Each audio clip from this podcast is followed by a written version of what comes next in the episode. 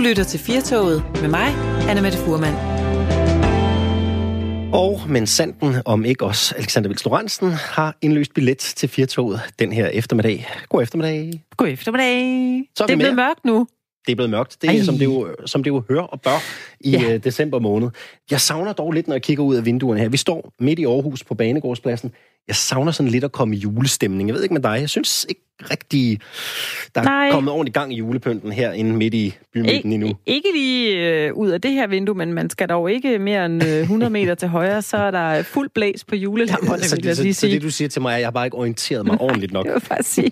Læg lige mærke til det, når vi går ud med det, Det vil, julepynt. jeg, øh, det vil jeg gøre. Det er jo dejligt. Og det er koldt i Danmark i december, men i den her time af Firtoget, der skal vi et sted hen, hvor det er betydeligt mere koldt, og hvor isen også er meter tyk. Annemette, kan du regne ud, hvor vi skal hen i verden? Det kunne være noget Nordpol, det kunne være noget Sydpol. Du er meget tæt på. Jeg, vil- jeg, vil, jeg vil sige, at vi bare uh, tager til det arktiske område. Yes. Og det gør vi, fordi at uh, Arktis jo uh, ikke bare nu, men jo faktisk i de senere år er blevet en stadig mere vigtig strategisk placering for flere politiske stormagter. Russerne er meget interesseret i, hvad der sker i Arktis. Det er amerikanerne jo i den grad også.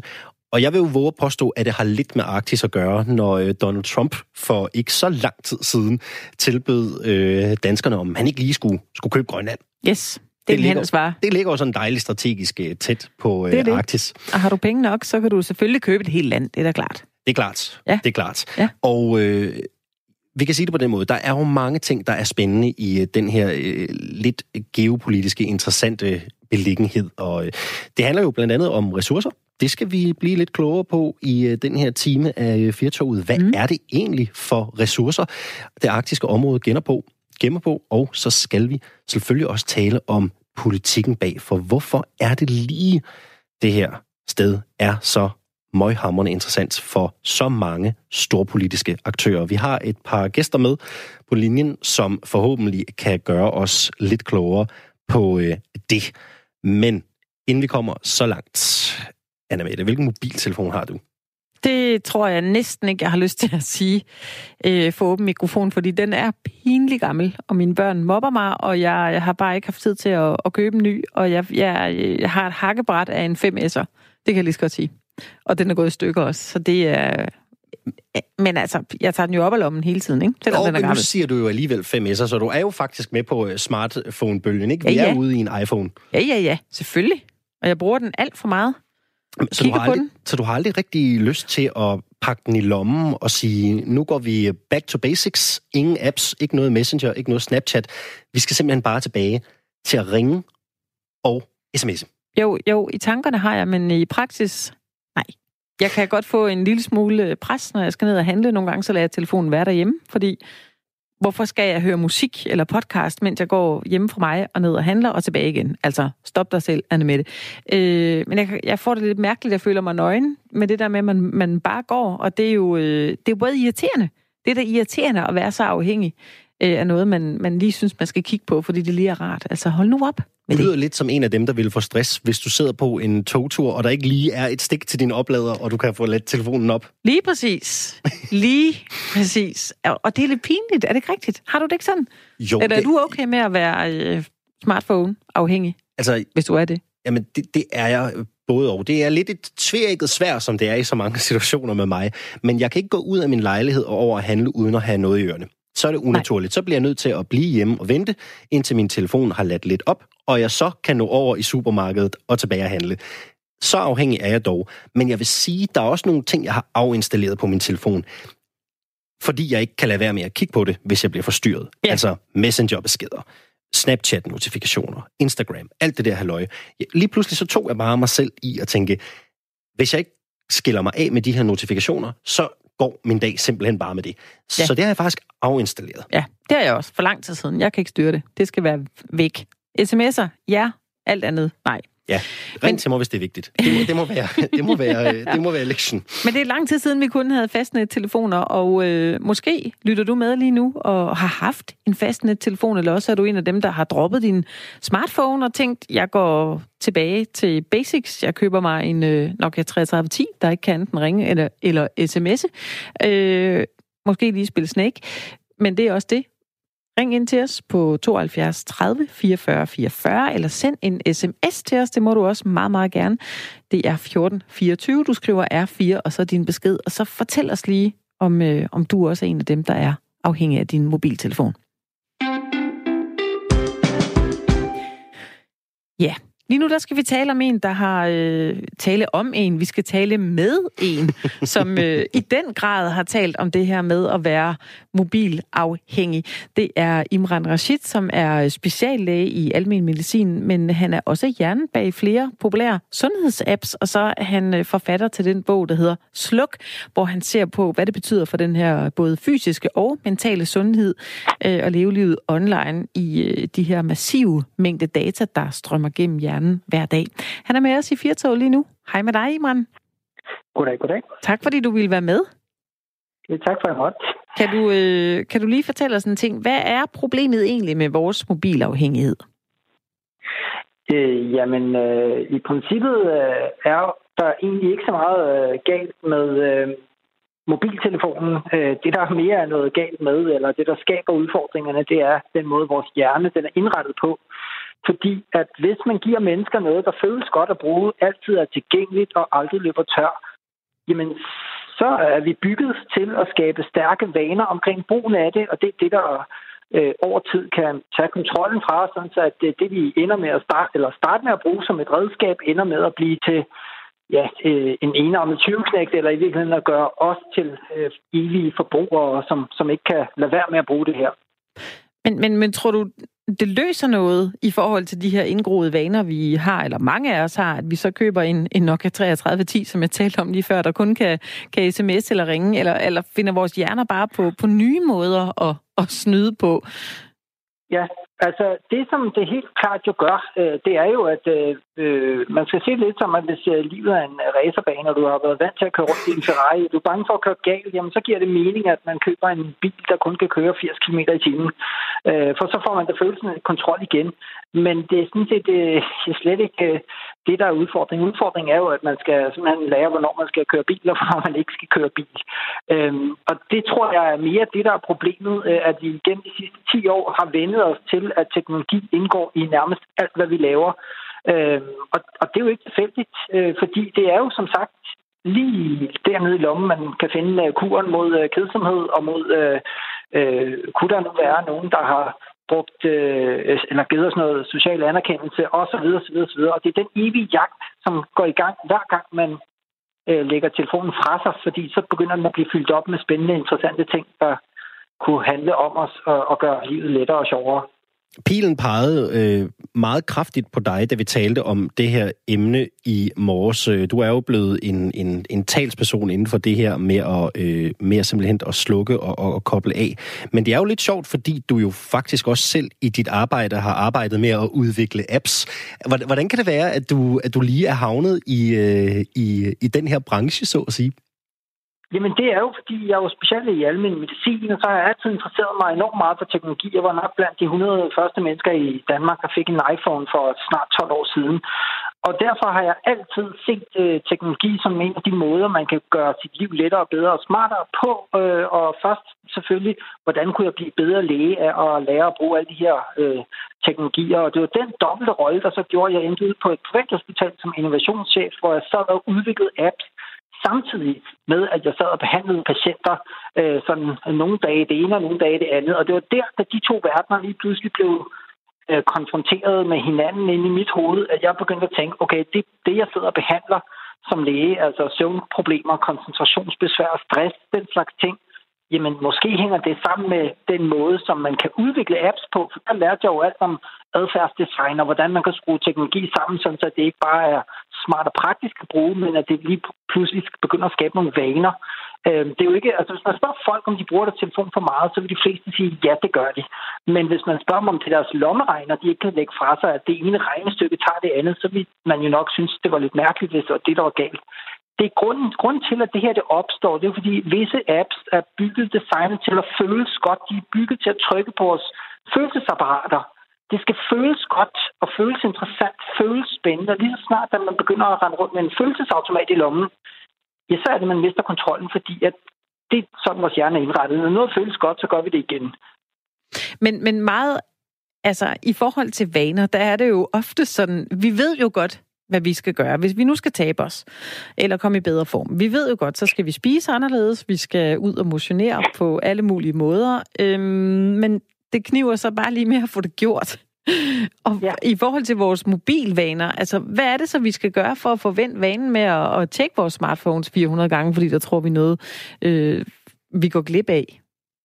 Jamen, det er lige øh, ret interessant, fordi min indgangsvinkel i det her har jo handlet om den digitale verden, og hvad de her devices øh, gør ved den måde, mennesker fungerer på. Men det, jeg har fundet ud af, for at finde en løsning på det her, så er det jo faktisk nødt til at finde øh, øh, løsningen. Det er alle problemers moder, så at sige, som handler om, at det er vores evne til selv at skabe vaner i os selv. Fordi hvis du, hvis du, øh, hvis du lykkes med det, altså det her med, at den viden, du har, de intentioner, du har, at det reelt set også ender med at definere det, du bruger din tid på at blive til adfærd, så er det jo ikke kun smartphone, du har løst, så er du faktisk løst øh, et af de allerstørste øh, problemer. Altså, det, det, er jo, det er jo manglende, eller det er uhensigtsmæssig adfærd, der koster millioner af mennesker livet over alt på jorden øh, hvert eneste år. Det er jo ikke, fordi folk mangler viden. Vi ved, som du selv siger, alt det, vi skal. Hvordan får vi viden puttet over i øh, reel adfærdsændring? Det er den store udfordring, som vi øh, er nødt til at sætte alt ind på og, og prøve at få ændret. Og det er så tilfældigvis jo så også det, at øh, her 31. 12. Øh, min øh, nyeste bog, som udkommer der, øh, der hedder Sunde vaner skabt med vilje, øh, meget ja, præcis øh, handler om. Fordi det er det, jeg har brugt tid på at, at, at dykke ned i. Hvad er det, tech-industrien har gjort? Hvordan kan vi bruge det, som de har gjort i stedet for at, at gå og kigge på vores telefon. Hvordan kan vi så selv bruge den her magt til at selv at begynde at putte nye vaner ind i vores eget liv? Det er egentlig det, jeg prøver at adressere i den her bog. Vi har fået en, øh, en sms fra en, en lytter, der skriver, jeg har slettet min Facebook-konto, jeg har logget ud af Twitter, jeg har slet, slettet begge apps. Det er skønt efter et stykke tid, jeg er sluppet ud af en åndssvag og kunstig verden, og jeg slipper for de 10.000 messengerbeskeder og endeløse og latterlige postings. Er det måden at gøre det på, simpelthen bare gå offline og logge af?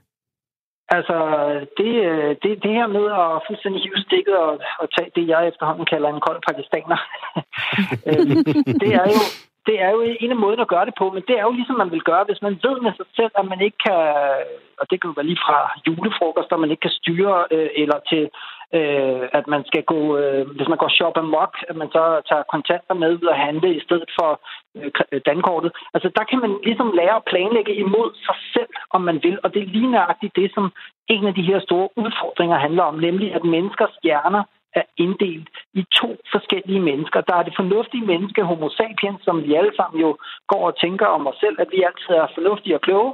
Og så er der det, jeg har døbt homo habitus, det vil sige vanemennesket. Og det er jo sådan set også mennesket. Øh, det er bare faktisk mere præcist øh, vanemennesket, øh, at vi er det hele tiden, at vi faktisk er langt mere vanestyret, end vi tror, vi er. Og det er så de to mennesker, som skal øh, få tingene til at fungere. Og det, I beskriver med ham her i sms'en, ja, han har jo så truffet en fornuftig beslutning, fordi han ved, at hvis han har de her apps, jamen så kommer han til at falde i det. Og det er jo det her, det handler om. Det er, det er jo en helt mærkelig ting, at man skal planlægge imod sig selv, men det er det, der skal til, fordi vi har simpelthen ikke kontrol øh, nok til at at, at komme godt igennem en hel dag med masser af fristelser og i det hele taget et langt liv gennem, øh, øh, øh, uden at falde i. For det vi er bygget til at falde i, det er sådan, vores hjerne er indrettet. Nu fik vi her, Imran, et konkret eksempel på en, som har øh, taget den, lad os bare kalde det den øh, kolde øh, pakistaner i dag. Så det kan jo være svært for rigtig mange, selvom man godt er klar over, at man måske burde drosle lidt ned for sit ja. forbrug. Hvordan kan man gradvist arbejde på at komme derhen, hvis den her kolde pakistaner måske er en lidt øh, voldsom øh, ting ja. at springe ud med det samme? Og det tror jeg, der skal man se det lidt som, hvis man er i sådan en skiløb, og der har du de der øh, flag, du skal igennem, og der skal du i din hverdag sætte en flag ind, hvor du vælger at sige, okay, øh, jeg kunne godt tænke mig at få mere koncentration ind i hverdagen, eller mere nærvær, eller mere tid med mine børn, eller hvad det nu måtte være. Og så skal du sådan set sige, okay, hvordan gør man det? Jamen det gør man jo ved at planlægge baglæns fra det mål, man selv har sat sig. Det der med bare at sige, så fjerner jeg telefonen, og så lader vi som om, at jeg ikke øh, øh føler trangen til at gøre det ene og det andet. Realiteten er jo, at vi alle sammen render rundt øh, med nogle vaner, som øh, og vores fingre og vores krop har simpelthen vendt sig fysisk til hvert et ledigt sekund, vi har, der har vi øh, noget, vi kan dæmpe med. Så hvis man bare fjerner det her, så vil du simpelthen sidde og mangle noget. Det er også derfor, at det her med at gå fra en yderlighed til en anden, det kræver ekstremt meget viljestyrke, og det kræver også enormt meget. Altså, nu er det, nu er det jo sådan, du kan jo simpelthen ikke tage bussen, i hvert fald ikke her i København en dag, uden øh, nærmest at du har din mobile øh, øh, hvad hedder det, din øh, billet, eller du kan købe ting med mobile pay osv. osv., osv. Så du er bare simpelthen nødt til at bruge de her redskaber, men det, det er faktisk vigtigt, at du har kontrol over dem. Og der kan man godt blive be- mere bevidst om det bevidste forbrug af teknologi øh, frem for det der tankeløse følelses... Altså hvis du bruger din telefon som en følelsesautomat, så er du i princippet også selv uden om, at du havner i et, vane, øh, et vanestyret forbrug. Så der tror jeg, at man skal starte med og, og, og det er jo en gradvis afvending, eller en, en, en, en ændret vanerejse, øh, som jeg plejer at kalde det her. At du stille og roligt starter med at finde ud af, hvad er det, du gerne vil have mere af i hverdagen? Vil du gerne have mere tid? Vil du gerne have mere nærvær, koncentration, fordybelse? Hvad er det, der afholder dig fra at gøre det? Og så begynder du i det små at ændre kursen stille og roligt du skal ikke være for hård ved dig selv, fordi så kommer du til at få en... Altså, det, det er ligesom igen nytårsforsæt, der kun holder så længe den dårlige samvittighed på december, den uh, kan mærkes, uh, så falder man tilbage i de normale vaner igen i midten af februar, cirka. Ja. Ikke? Og, og, og det er der, vi skal hen og være mere realistiske, uh, og være bedre for os selv, og så hjælpe hinanden med at få en bedre vaner, og altid sikre sig nogle menneskelige alternativer, hvis det er. Um, så det, det, og så er det selvfølgelig meget mere øh, uddybende beskrevet i min bog om de her trin. Men det handler om at starte med at forstå sig selv, begynde i det små at flytte sig selv, og derefter ændre sin hverdag, som hjælper en med den øh, ændring, man er i gang med. Og til sidst, så er det egentlig bare at blive på sporet igen. Og det er jo selvfølgelig det allersværeste, fordi ja, det er svært at leve sundt øh, det er det. i mere end i mere end øh, kort tid, hvis man kan sige det sådan. ja, øh, Iman, jeg, skal lige, jeg har selv øh, to børn, en på 10 og en på 13, og vi har jo tit en, en snak om det her med, hvor meget vi bruger skærmene, og hvor, hvor mange timer man kigger på dem, og hvad man bruger dem til. Og, øh, og jeg synes ikke, de har udbredt altså svært ved at skulle koncentrere sig om, om andre ting end deres smartphones. Du ved, det er ikke sådan, at de altid har lyst til at sidde der, og ikke har lyst til at gå ud og sådan noget. Og de siger jo nogle gange til mig, jamen mor, det skal du ikke være så bekymret for, vi kan sagtens lave andre ting, osv. osv. Øhm, ja. Er den her bekymring så reel, eller kommer den nye generation til at være lidt bedre til at, at styre den her digitale verden, de, de er født ind i? Ja, det kommer jo meget an på den vekselvirkning, de her, øh, den her generation oplever omkring. Så vores hjerne er ganske enkelt indrettet på den måde, at det vi gør meget med det, det bliver bedre til på godt og ondt. Så det vil sige, at hvis man øh, er, indgår i spejder, sport, øh, interessebestemte ting, altså hvor du sammen med andre mennesker lærer at lytte til andre, lærer at, og, og opdage, at hvis jeg gør noget, øh, der er svært, så bliver jeg bedre til at klare ting, der er svære. Jo mere tid jeg bruger på det, jo bedre bliver jeg til det. Øh, og, og jeg kan gøre ting, der er større end mig selv. Altså, det er jo hele fritidsinteresserne og foreningslivet og øh, de menneskelige fællesskaber, som er med til at præge den måde, vores øh, hjerner øh, og vores øh, børn og den kommende generation kommer til at vokse op på. Og der er Danmark jo heldigvis et af de lande, hvor det går godt. Men samtidig, så vil jeg jo så bare prøve at påstå, at nogle af de øh, historier, jeg hører og rundt omkring, og, og også nogle af de undersøgelser, jeg selv har stået for, øh, med, med for eksempel øh, gymnasieelever, som jo særligt er ramt af enormt meget stress, øh, rigtig mange øh, mentale mistrivselsproblematikker, søvnproblemer. Øh, og det er jo ikke kun smartphones, men det er i det hele taget den her sådan, evige øh, mentale øh, racerbil, der kører rundt og aldrig nogensinde holder pause. Det er jo det liv, som er øh, problematisk. Og der tror jeg, at vi altså ikke har, vi, vi har simpelthen ikke været gode nok som som de ansvarlige voksne, øh, og som den sidste generation, der i virkeligheden vi burde have undersøgt, om det er en god idé at smide øh, smartphones ud i hånden på øh, alle unge, øh, der konstant kan distrahere dem. Altså, det her burde vi have undersøgt og, og gradvist øh, øh, introduceret det, i stedet ja. for bare at gøre, som vi har gjort de sidste 10 år. Fordi hvis, hvad hvis det er virkelig, virkelig skidt for deres mentale øh, sundhed, ja. så er der jo kun et sted, pilen peger, og det er desværre på os selv. Det er det. Imran Rashid, tak fordi du var med her i Firtoget og, og gjorde os klogere på, på smartphones. Man kan jo købe din øh, nye bog, der kommer, der hedder Sunde Vaner, skabt med vilje, 31. 12. Kan du have en fortsat god mandag? Tusind tak. Hej. Hej. Hej. Og så øh, er det jo nærliggende, Annemette, at hive fat i en, som øh, virkelig har taget det store spring, og simpelthen øh, sagt, øh, farvel til, øh, sagt farvel til smartphonen. Ja, faktisk er der det med ham, vi skal tale med lige nu, der hedder Emil Madsen. Hej med dig, Emil. Hallo? Hallo? Hallo, du er igennem. Velkommen til Ja, Firtoget. Emil, for det. øh, det er noget med, at øh, du aldrig nogensinde har haft en smartphone. Er det ikke rigtigt? Det er korrekt. Hvorfor det? Ikke, nej. Ja, hvorfor har jeg ikke det? Altså, det er jo ikke, øh, det er jo ikke fordi, det, der ligger ikke noget religiøst i det. Jeg er ikke nogen bevægelse eller noget. Jeg tror bare, jeg er sådan lidt en øh, old school kind of guy. Øhm, man kan sige, at ja, jeg er 25, så jeg har jo ligesom, jeg har jo ligesom, hvad kan man sige, været til stede, da, da alt det her smartphone, det ligesom øh, kom på banen og, og er blevet, hvad kan man sige, så, så essentielt en del af mangens hverdag. Øh, og jeg er bare ikke rigtig, øh, jeg skulle bare ikke rigtig kommet videre end en gammel Nokia, tror jeg. Øh, der ligger nogle praktiske ting i det, og så ligger der jo også noget filosofisk, kan man sige, ikke? Altså, sådan rent praktisk, så kan man sige, ja, min telefon, den holder jo strøm et, et par uger ad gangen, ikke? Imellem opladninger, hvor andre, det er ligesom, når deres telefon, den til 10 procent, så bliver det til zombier, der skal finde noget strøm.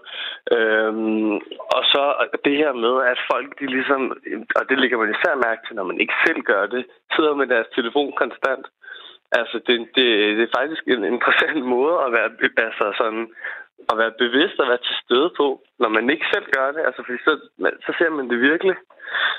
Øhm, og så kan man sige, personligt så synes jeg, det er rart at vide, at folk ikke hele tiden kan, kan, kan få fat på en. Altså jo, de kan ringe eller de kan skrive, men man kan lade være med at tage den. Ikke? Det er ikke sådan, at man er ikke hele tiden online. Man skal ikke hele tiden forholde sig til alting konstant, men man kan vælge at sætte sig ned og sige, det er nu, det er nu jeg gør det her. Men du er jo en relativt ung mand, Emil, og i dag øh, ja. får man jo øh, mange invitationer eksempelvis. Jeg kan ikke huske, hvornår jeg sidst er blevet inviteret til fest øh, med et fysisk brev eller en sms. Det foregår jo også på de sociale medier og på Facebook. Der er jo meget information, der er målrettet dig, som du også går glip af, eller som du i hvert fald ikke øh, kan øh, øh, tilgå på samme måde som, som alle andre. Hvordan har du det med det? Jamen, det tror jeg, at der, der, der er der mange, der, der, der misforstår, fordi at når de ser min telefon, så tænker de, okay, han, han lever i en eller anden hule på en eller anden sten.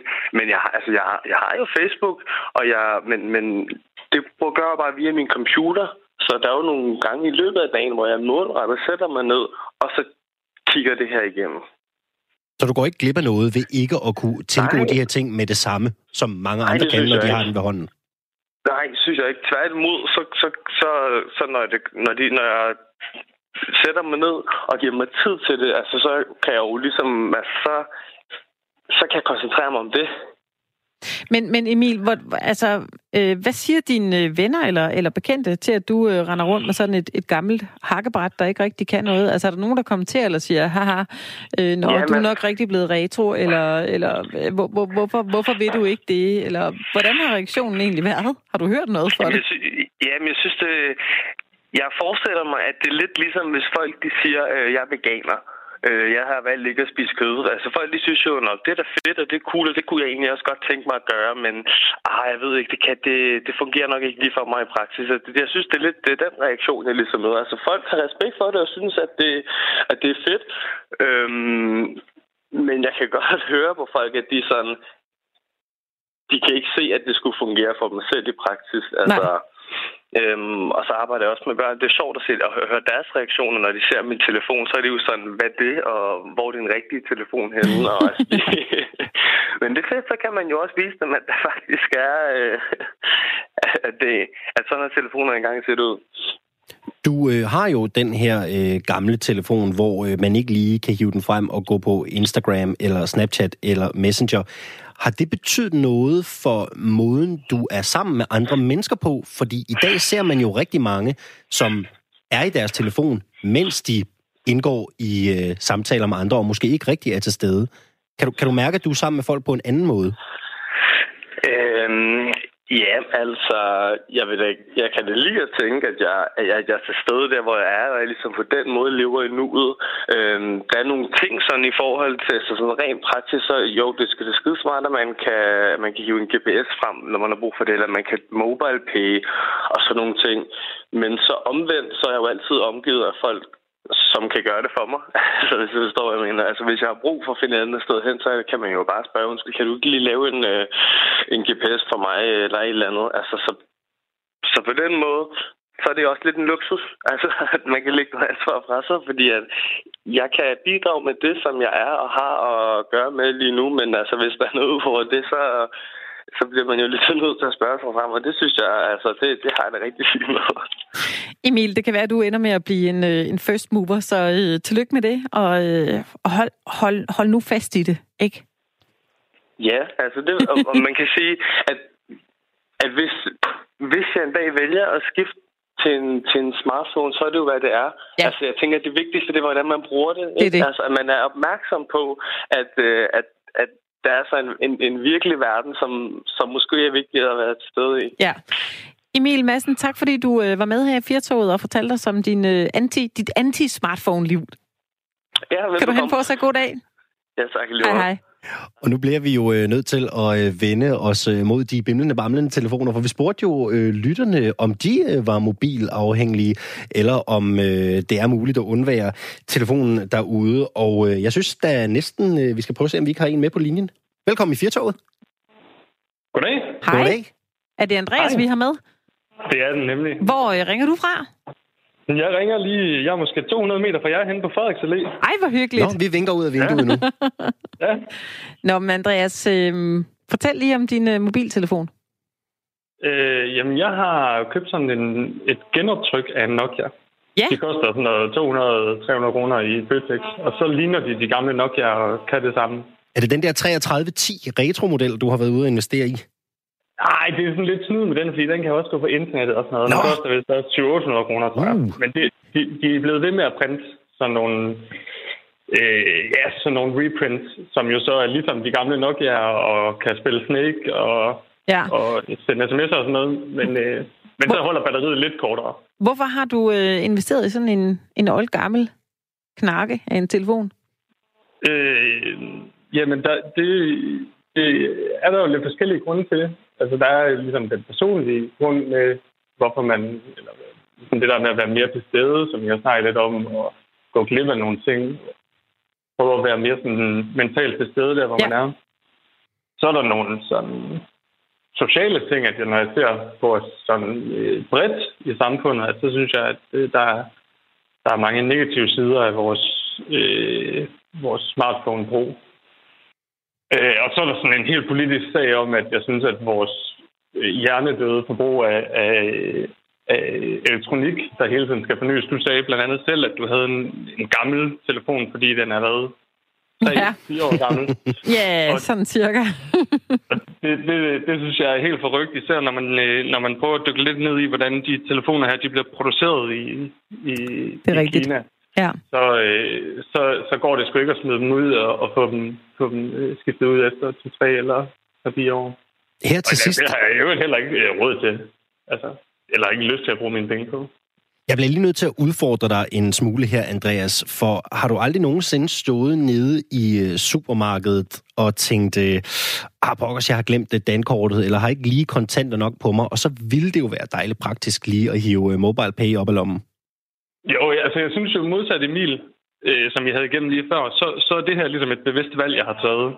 Og jeg, jeg, har, jeg oplever mange negative sider af det. Øh, modsat ham, så har jeg også gået ret radikalt til værk, som meldt mig ud af alle sociale medier. Øh, øh, så, så der er nogle ting, man går glip af, og det, det må man jo tage den beslutning. Det er ikke... Øh, det, jeg, jeg, kan ikke, øh, jeg kan ikke betale mobile pay, og når jeg skal til julefrokost, så bliver de andre trætte af, at jeg skal til at betale, kommer, kommer med flade 20'ere, som de ikke gider at have, øh, for at betale for at sige noget. Man må tage det sure med det søde en gang imellem. Andreas, øh, tusind tak, fordi ja. du ringede ind til Firtoget. Det er du velkommen til at gøre en øh, anden gang. Kan du have en god eftermiddag? Ja, i lige måde. Og så øh, har vi faktisk øh, en mere med på øh, linjen her. Lad os prøve at se, om vi kan have en rot i fælden. God eftermiddag og velkommen i Firtoget. Hej, det er Jacob. Hej, Jacob. velkommen til, Jakob. Hvor ringer du fra i verden? Hej. Jeg ringer fra Aarhus. Endnu en Aarhusianer her. Dejligt, dejligt. Hvad? Jeg, øh, jeg er rent faktisk fra Aalborg, men jeg arbejder hernede i Aarhus. ah, og dem, Det er okay. Der skal også være Det plads til okay. Aalborgensere. Naturligvis. Der er plads til alle her i Firtoget. Der er plads til alle. Hvad er dit øh, forhold til øh, mobiltelefoni og teknologi? Altså, jeg har jo gjort det. Altså, jeg, jeg arbejder som ingeniør, så øhm, jeg har et forhold til teknologi, hvor jeg sidder foran en computer dagen lang og, og laver software. Så jeg har jo en del indblik i, øh, hvordan øh, algoritmer og computersystemer de hænger sammen. Men altså, jeg har ikke interesse i at have en smartphone i lommen, fordi det forstyrrer mig. Det er som det primære budskab, jeg har. Og, øh, og altså, jeg, jeg kan anbefale at, at lade være. Øh, Hvorfor det? Det er fordi, det giver en øh, større frihed i mit øh, tankesæt og i min måde at agere på.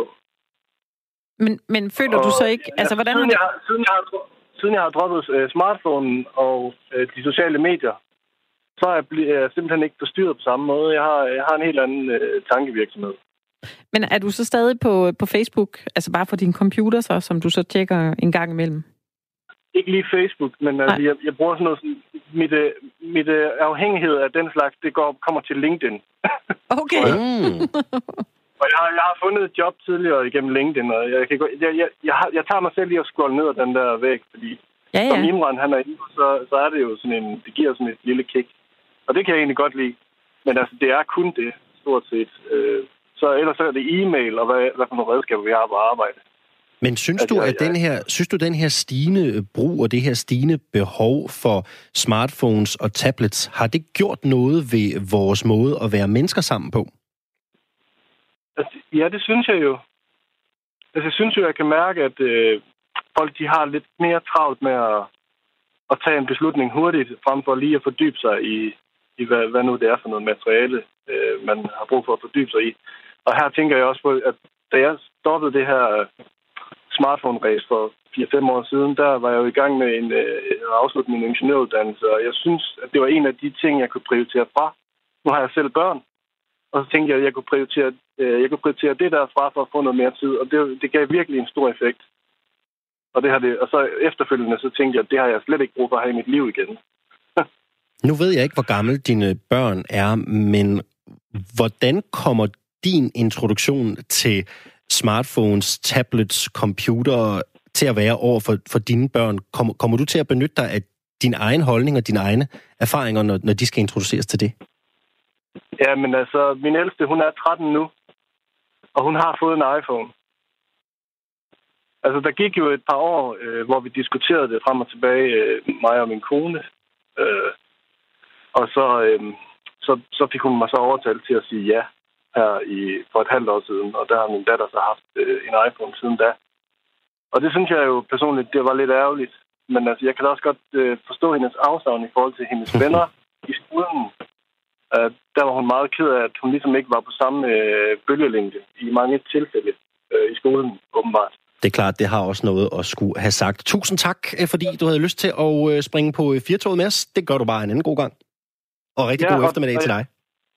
Ja, ja, tak skal du have, og i lige måde. Hej, hej. Du lytter til Radio 4. Og øh, selvfølgelig, sms'en er stadigvæk øh, åben, og det er telefonerne også, hvis man har lyst til at blande sig i den her debat. Men nu skal det handle om noget lidt andet, for øh, der er koldt, mørkt og usædvanligt øde, Annemette. Kan du gætte, hvor vi skal hen i verden? Ja, vi skal nok nordpå, gætter Det- jeg på. det skal vi. Altså Det kunne jo også være Danmark, nord for Aarhus, ikke? vi skal en smule nord for Aarhus. Lige præcis. Og når jeg siger koldt, mørkt og usædvanligt øde, så lyder det jo ikke umiddelbart som et særligt rart sted at være. Men ikke desto mindre, så er det et område, der er rift om, og som er meget omdebatteret i disse tider. Hvis du ikke har gættet, hvor vi skal hen, så er svaret, at vi skal til Arktis, området omkring Nordpolen. USA, Kanada og Rusland råder over dele af Arktis, ligesom vi jo også gør i Danmark. Men vi har alle det til fælles, at vi jo gerne vil have en lidt større del af kagen. Vi har bare lidt svært ved at blive enige om, hvor og hvor meget vi hver især har ret til i den del af Arktis, der ikke tilfalder nogen. De næste 20 minutters tid, der dykker vi ned i en undren, vi har haft her på redaktionen, om hvorfor Arktis egentlig er blevet så vigtigt, og ikke mindst, hvad der gemmer sig af ressourcer deroppe. God eftermiddag til dig, Stefan Bernstein.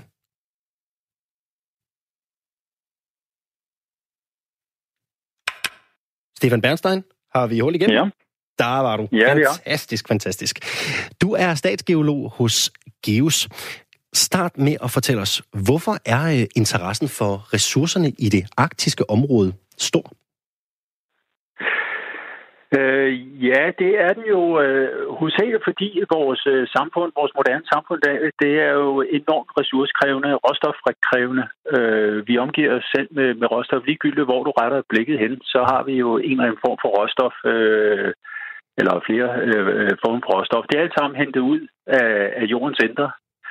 Og, øh, og øh, man kan sige, at mange af de kendte forekomster af forskellige metaller, blandt andet, det er jo ved at være de ikke ved at være udtømt, men øh, de er godt brugt, kan man sige. Og mange af de øh, områder, man har udforsket eller efterforsket for nye råstoffer i, dem, øh, den kender man efterhånden ret godt. Så det er helt naturligt, at man retter blikket mod øh, områder, hvor, øh, hvor der, det, det, det er mindre godt kendt. Og der er Arktis øh, interessant, fordi Arktis øh, rummer store landområder, som har været relativt øh, vanskeligt tilgængelige gennem, øh, gennem mange år. Og øh, øh, hovedsageligt på grund af klimaet selvfølgelig, ikke? isdække og så videre. Og inden for det seneste her, der øh, er der sket flere ting. Dels er der en ændring øh, måske af klimaet, som gør, at øh, dele bliver øh, lettere tilgængelige, og så er der selvfølgelig også en teknologisk udvikling, der gør, at vi nu kan øh, bevæge os rundt i nogle af de her områder øh, på en helt anden måde, man har kunnet før.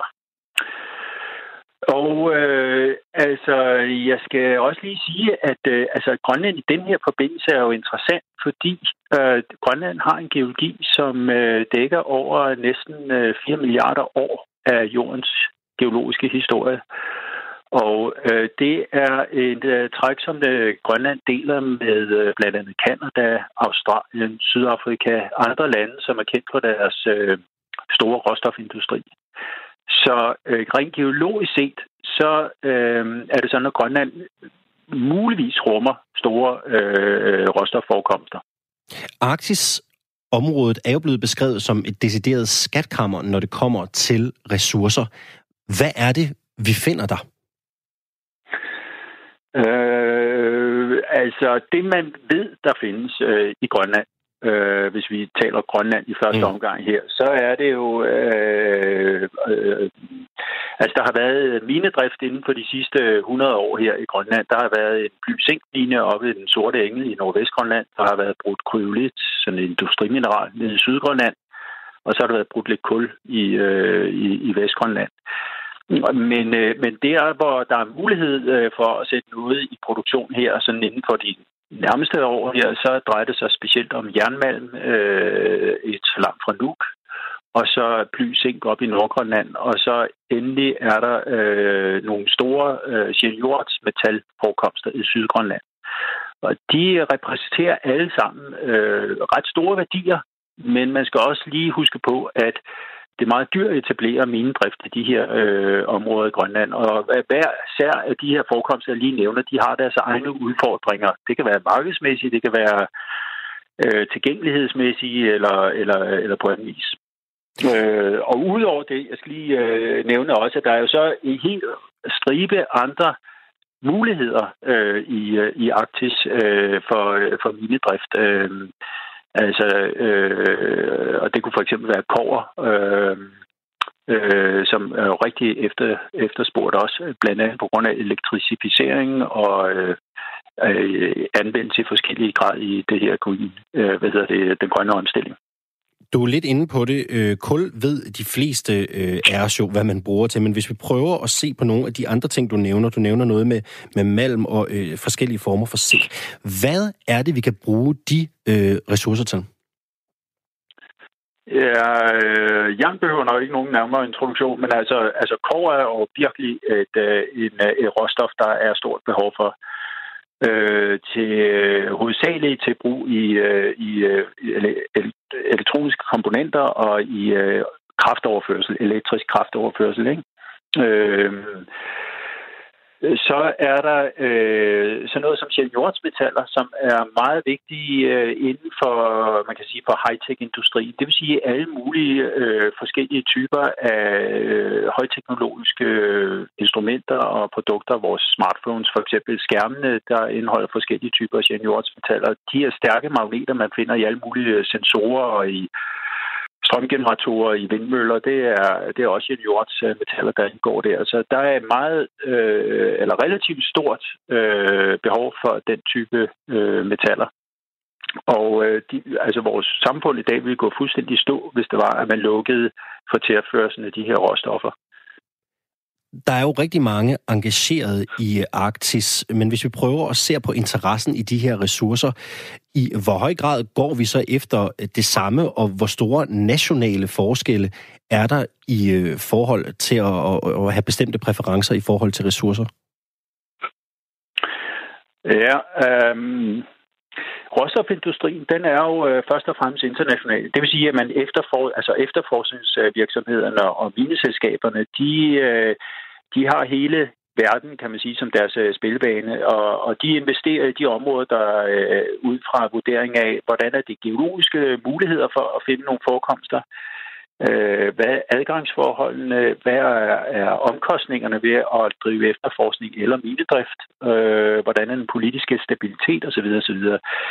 Så man kan sige, at der er jo Altså, det er kun i ringe grad drevet af, af nationale interesser. Det er meget markedskræfterne, der driver, hvad der bliver efterforsket i, og hvor der bliver efterforsket. Når det så kommer til, hvad der bliver øh, investeret i, når man finder nogle forekomster, det, det er så en lidt, øh, en lidt anden serie. Man kan også se, at der måske er nogle spillere på banen, som, øh, som muligvis har nogle andre interesser, men, men, men øh, langt hovedparten af investeringerne, det er på et, øh, et markedsmæssigt grundlag. Og derfor så konkurrerer Grønland også, kan man sige, med resten af verden med hensyn til at tiltrække investeringer øh, i råstofindustrien. Ja, og, og hvis vi lige prøver at tegne sådan et øjebliksbillede af, hvad, hvad sker der så lige nu af særlig interesse i Grønland? Der er det øh, specielt øh, seniors metalforekomsterne i Sydgrønland, øh, det der hedder Kvanefjeld og Kringlerne, øh, som øh, er kendte forekomster nu og har faktisk været kendt i adskillige årtier. Og øh, de selskaber, der er aktive dernede, de vil jo øh, de, øh, de, de vil meget gerne have investeringer i gang til at få åbnet de her, øh, eller øh, få i, iværksat en, en produktion.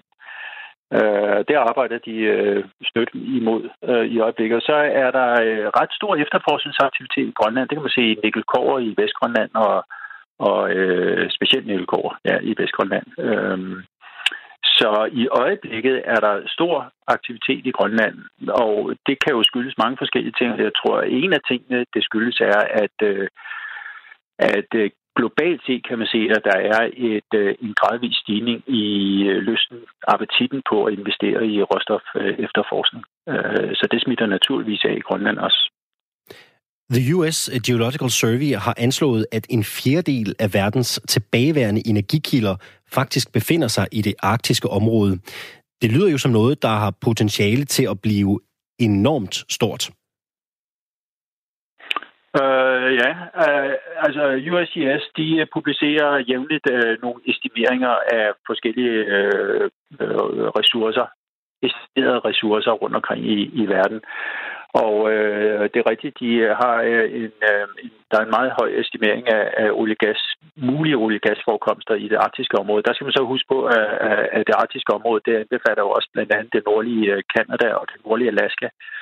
Øh, specielt ud for Nordøstgrønland øh, mener man også, der findes øh, mulighed for store oliegasforekomster. Øh, og øh, det er også blevet undersøgt til en vis grad, men sådan egentlig øh, detaljerede, storstilede undersøgelser, blandt andet med, med prøveboring osv., det har man ikke kastet sig ud endnu, og der, det er blandt andet på grund af, at det er øh, vanskeligt tilgængeligt område med isdækket en stor del af året, og øh, dermed meget omkostningstungt, og så er efterforskning, olieefterforskning i høj, højaktis i øjeblikket, det er ikke lige de store olieselskabers øh, øh, hvad hedder det, første valg. Og det er de eneste selskaber, der rigtig har den øh, finansielle kapacitet til at, at gå i krig med den slags områder. Og sådan blev vi altså klogere på, øh, på ressourcerne i øh, det arktiske område, takket være øh, Stefan Bernstein, som altså er statsgeolog hos øh, GEOS. Tak fordi du havde lyst til at øh, gøre os øh, klogere her i øh, Firtoget på Radio 4, og god eftermiddag til dig. Ja tak, I er velkommen. Hej hej. Vi kan øh, naturligvis ikke behandle øh, Arktis uden os at tale om den lidt mere øh, politiske side af området. For særligt forsvarspolitisk, ja, så er Arktis altså blevet nævnt igen og igen som en strategisk nøglepost i fremtiden. Men hvorfor egentlig? Det kan du måske fortælle os, Jon Rabeck Klemmensen. God eftermiddag og velkommen til dig. Ja, god eftermiddag. Du er forsker ved Institut for Militære Operationer på Forsvarsakademiet. Jeg vågede tidligere i eftermiddag at påstå, at det ikke er helt tilfældigt, at øh, Donald Trump han har øh, tilbudt at købe øh, Grønland, et område, der ligger øh, relativt øh, tæt på øh, Arktis. Hvorfor er Arktis blevet en så vigtig strategisk post for så mange?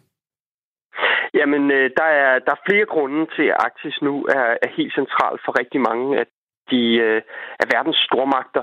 Den, øh, sådan, den den langsigtede grund, det handler om klimaforandringerne, som øh, åbner Arktis for forskellige øh, for forskellige former for menneskelig aktivitet. Altså, øh, I har lige snakket om, om adgangen til de her ressourcer, der er i Arktis. Og over de sidste 10 år cirka, der har det, det gjort, at Arktis er blevet et, et emne, som man har talt mere og mere om. Men det, der måske øh, har, øh, har, har drevet den, den lidt senere udvikling her de sidste par år, hvor Arktis virkelig, og måske særligt Grønland, virkelig er kommet i, øh, i søgelyset, jamen det, har, det er mere den, den militære, øh, det militære forhold mellem de her stormagter.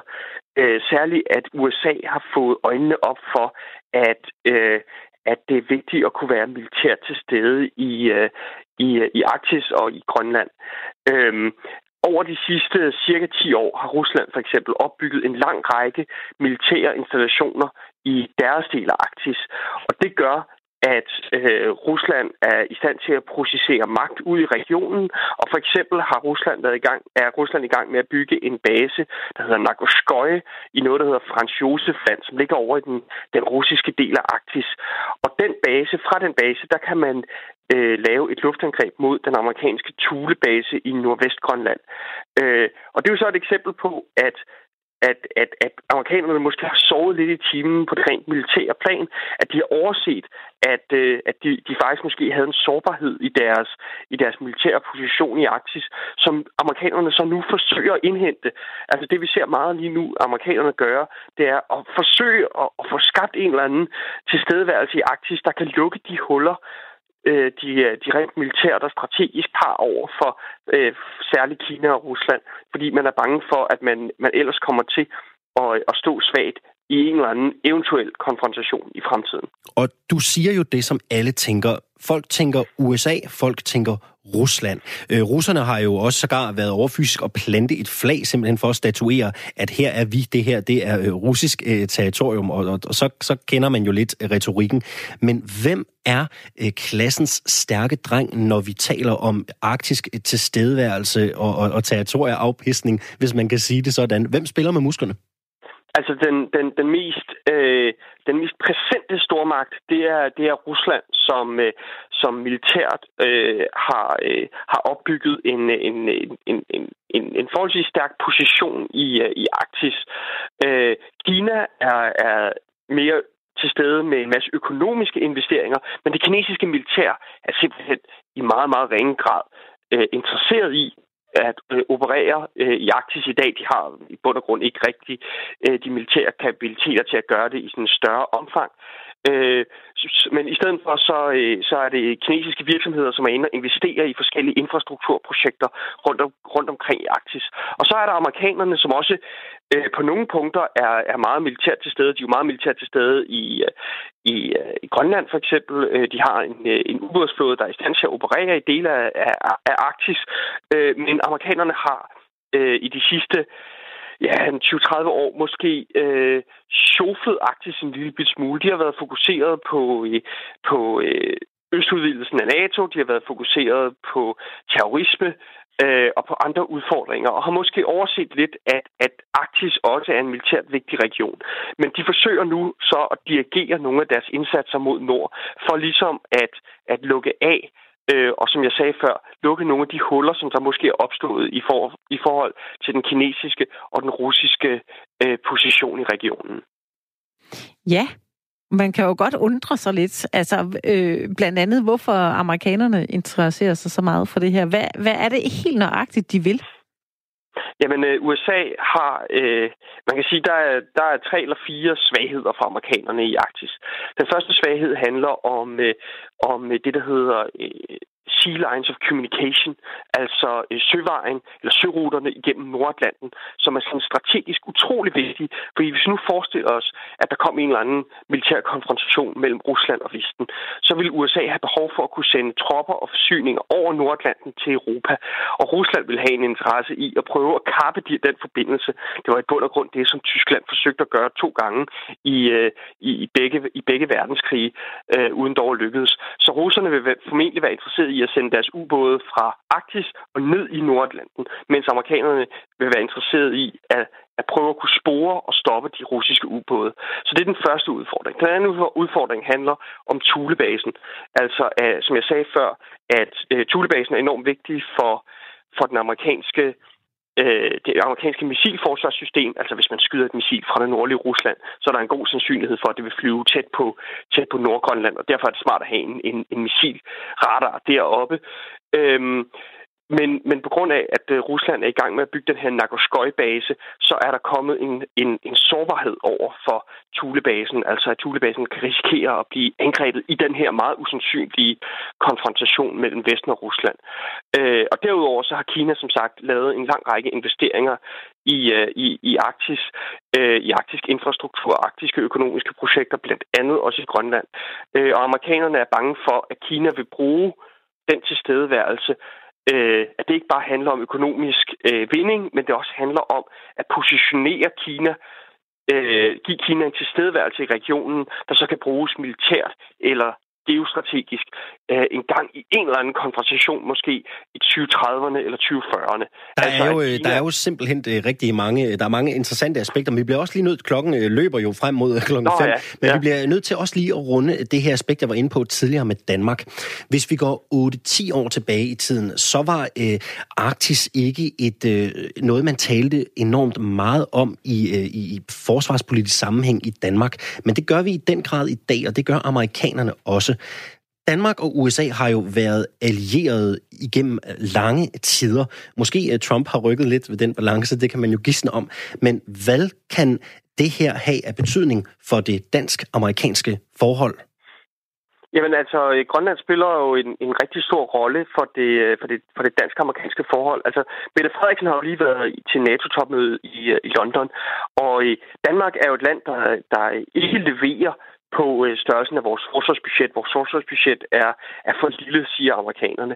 Men det Danmark så forsøger at gøre, det er, at vi prøver at sige, jamen så, så kan det godt være, at vores budget er lille, men vi leverer nogle vigtige ting for jer, USA. Og øh, hvad tager Mette Frederiksen med sig over til London til sit møde med Trump? Jo, hun tager Grønland med, og hun, hun lader samtalen handle om, prøv at se her, nu gør vi den her store indsats i forhold til Grønland, og Grønland er meget vigtigere for jer, USA, end, øh, end, end noget af det andet, som, som Danmark nu laver. Så på den måde, så bliver Grønland så et, et, et sted, hvor Danmark kompenserer for ikke, ikke at bruge gode skattekroner på, på forsvaret. I stedet for, så kan man, så kan man vise amerikanerne, hey, I kan, I kan, bruge, øh, I kan få adgang til, til Grønland, og det er i virkeligheden vigtigere for jer, end hvor mange, øh, hvor mange kampfly og hvor mange tanks Danmark nu engang har. Her til sidst og ganske kort, hvad tror du, vi kommer til at se i det arktiske område fremadrettet? Jamen, vi kommer til at se en eller anden blanding at øh, som sagt øgede militære spændinger mellem, øh, mellem Vesten og Rusland, øh, og så kommer vi til at se et, øh, et spørgsmål om, om man kan samarbejde på en masse bløde områder. Det er meget Danmarks interesse, at, at vi bliver ved med at samarbejde for eksempel med Rusland og en masse diplomatiske spørgsmål. For eksempel så har vi den her store grænse, det her store grænsespørgsmål øh, op i det arktiske ocean, hvor vi har en interesse i at have et godt forhold til Rusland på det område, sådan så vi kan blive enige om en fredelig grænse uden at få en eller anden konfrontation der. Så nød ordene fra Jon Rabeck Klemsen. Tak, fordi du havde lyst til at gøre os alle sammen klogere her i øh, Firtoget. Det var så lidt. Og god eftermiddag til dig. Hej hej. Så er vi også blevet klogere på øh, Arktis, skal jeg lige love Det må for. man sige. Det er jo sådan et tema, det kunne vi jo have lavet radio om i øh, adskillige timer. Øh, flere uger, jeg jeg nok tænker sige. også Det er ikke noget, man lige øh, runder på cirka 20 minutter eller en halv time. Særligt ikke, når man kommer fra mobiltelefoni snak og sådan noget. Man skal jo virkelig spidse ører, når de her eksperter udtaler sig, ikke? Fordi de siger så mange kloge ting på så kort tid. Ja, og, og det er jo også bare, når man, har, øh, når man har gode mennesker igennem, der ved meget, så kan det, det jo det. være svært at øh, begrænse sig. Ja. Men øh, begrænse sig, det skal man, og det skal vi jo også her i øh, Firtoget, fordi Ja. klokken den er ved at nærme sig 17. Ja. Vi har været godt omkring i Det eftermiddag. har vi. Vi er blevet klogere på, at man... Øh...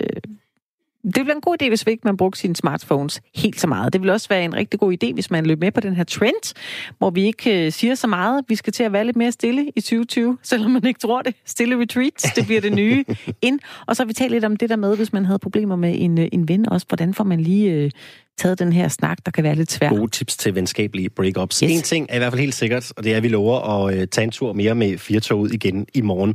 På den anden side af nyhederne, så er Jørgen Koldbæk klar med dagen i dag. Først så skal vi altså have et nyhedsoverblik